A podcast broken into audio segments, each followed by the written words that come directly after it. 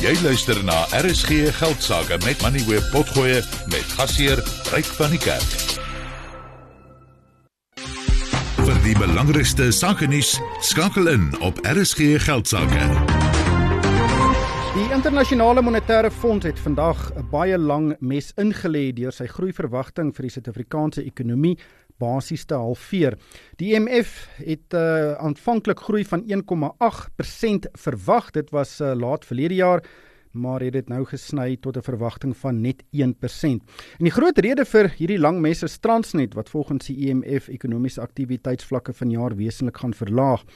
Die IMF se 1% verwagting strook ook breed weg met die 1,2% groei wat die Reserwebank verwag, maar dit is heelwat laer as die verwagte groei van net so oor die 3% vir die wêreldekonomie.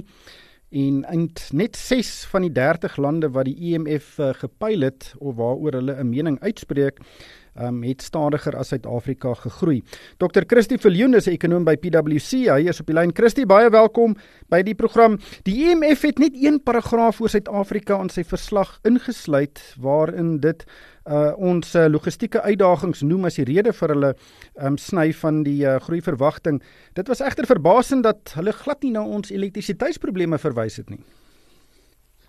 Uh, kyk ja, hulle hulle noem ons altyd in hierdie tipe gesprekke omdat ons nou groot ekonomie Sub-Sahara Afrika en hulle lig ook dan nou uit wat is ons groeiverwagtinge en dan so sinnetjie of twee oor wat hulle hoe hoekom hulle dink hulle is positief of negatief.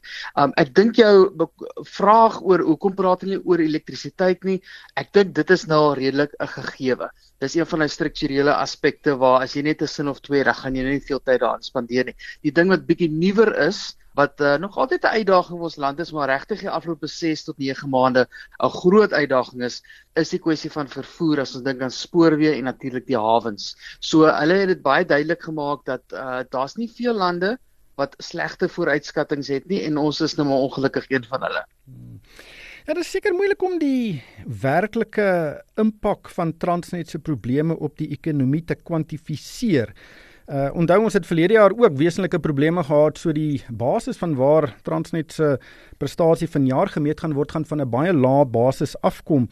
En ek het nou die afgelope paar weke gereeld gesels met uh, professor Jan Havenga van die Universiteit van Stellenbosch wat baie positief is dat die nuwe leierskap by Transnet uh, vanjaar baie beter gaan presteer as wat uh, die vorige leierskap gedoen het. So uh, kan 'n uh, verbasende en ek sê dit in uh, aanhalingstekens 'n verbasende goeie vertoning van Transnet dalk ons verras en dit dat en kan dit deurvloei na die ekonomie die ekonomiese groeikoers toe. Soos jy sê, dit dit is bietjie moeilik om presies nou syfers by te sit oor wat die negatiewe impak is. Ons weet dat die die uitdagings met vervoer beteken dat ons aan die mynboukant byvoorbeeld nie so baie kommoditeite kan uitkry soos wat ons wil nie. Maar as 'n plan B, ons weet ook dat daar's baie vragmotors wat die grens oorsteek na na, na Mosambiek toe en selfs in Namibië ook as 'n alternatief. So dit het 'n koste implikasie, maar daar is nog steeds van hierdie items wat die land verlaat. Al lyk dit of dit alles bot stil staan. Selfs met die uitvoer van voertuie byvoorbeeld. So om daai netto-effek te bepaal is moeilik. Op die vraag van gaan 'n skielike omeswaai en 'n verbetering in ons vervoersituasie werklik positief wees vir die ekonomie? Ek dink die antwoord is daar definitief. Uh want wanneer daai probleem opgelos word, dis dis nie net die fisiese uitbeweging van goedere wat ons uitsien nie, maar ook natuurlik goedere wat inkom. Uh dit lig die sentiment van besighede wat besluit waar en wanneer belê ek, ook natuurlik internasionale beleggings wat kan gebeur. So ja, as as ons op op 'n maniere 'n vinnige omeswaai kan sien in ons vervoersituasie, 'n towerstafie wat kan regmaak, dan kan ons dalk kyk na ekonomiese groei wat 'n uh, wat heelwat gesonder is. Uh, op die oomblik soos die IMF e gesê het, hulle het hulle syfer heelwat afgebring, uh, want ons ek dink die lig aan die einde van die tonnel is dalk 'n bietjie klein en 'n bietjie ver op die stadium. Ja, hopelik uh, is daar 'n lig in die ton tonnel en hopelik staan daai trein nie stil nie of is dit nie 'n trein met 'n lig nie, maar ehm um, hoe hoe akkuraat is hierdie tipe van voorspellings? Weet mense kan nou gesels oor desimale, weet groei van 1% of 1.2%. Maar oor die algemeen, hoe akkuraat is hierdie voorspellings? Kyk, enige voorspelling soos hierdie is gebaseer op 'n sekere hoeveelheid aannames. So die IMF en enige ekonom wat nou 'n uh, ekonomiese model het, moet sekere aannames maak. Wat dink ons gaan die oliepryse wees hierdie jaar? Wat dink ons gaan ekonomiese groei in China wees byvoorbeeld? Wat gaan plaaslike inflasie wees? So uh, hoe akkuraat is dit? Hulle is natuurlik nooit 100% akkuraat nie. Uh, ons het elke jaar in Suid-Afrika vergelykings om te kyk wie die naaste gekom het aan die tipe vooruitskattinge.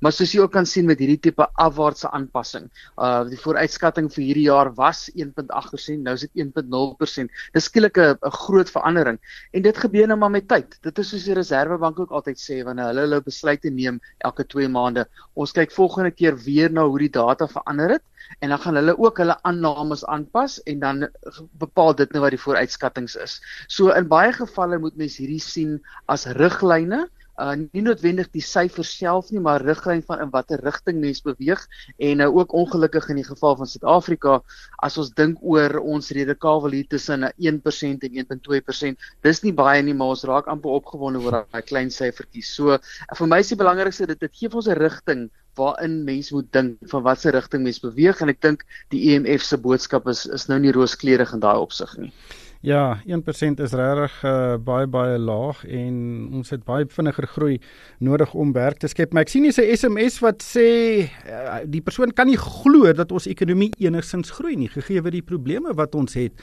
Uh, is daar maar 'n uh, mate van veerkragtigheid in ons ekonomie wat dalk hierdie van hierdie probleme op 'n manier uh, minder ernstig kan maak? Ja kyk, ons het uh, as 'n basis het ons 'n uh, bevolking wat groei, mense wat eet en klere moet koop en skool toe gaan, so daar's 'n element daarvan.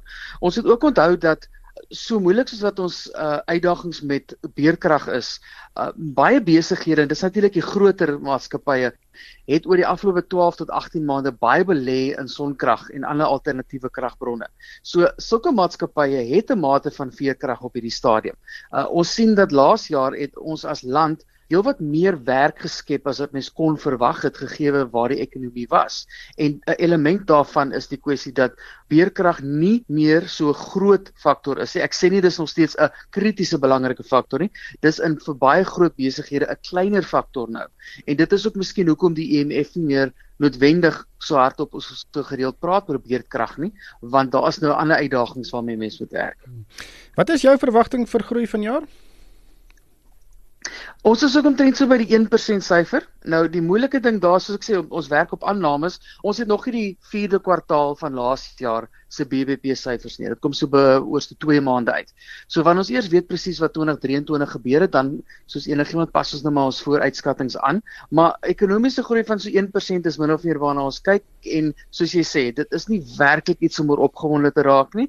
As ons ons werkloosheidskoers wil afbring byvoorbeeld, dan moet ons groei van so 2.5 tot 3% hê. Uh wat wat op hierdie stadium baie ver klink. So 1% is definitief beter as laas jaar, maar nog nog nie waar ons moet wees nie. Ja, verseker nie. Ehm um, Christie, baie dankie vir jou tyd vanaand. Dit was Dr. Christie Viljoen en hy is van uh, eh, PwC. Jy het geluister na RSG Geldsaake met Money where potgoe elke weeksdag om 7 na middag. Vir meer Money where potgoe, besoek moneyweb.co.za of laai die toepassing af en volg Moneyweb News om dagliks op hoogte te bly.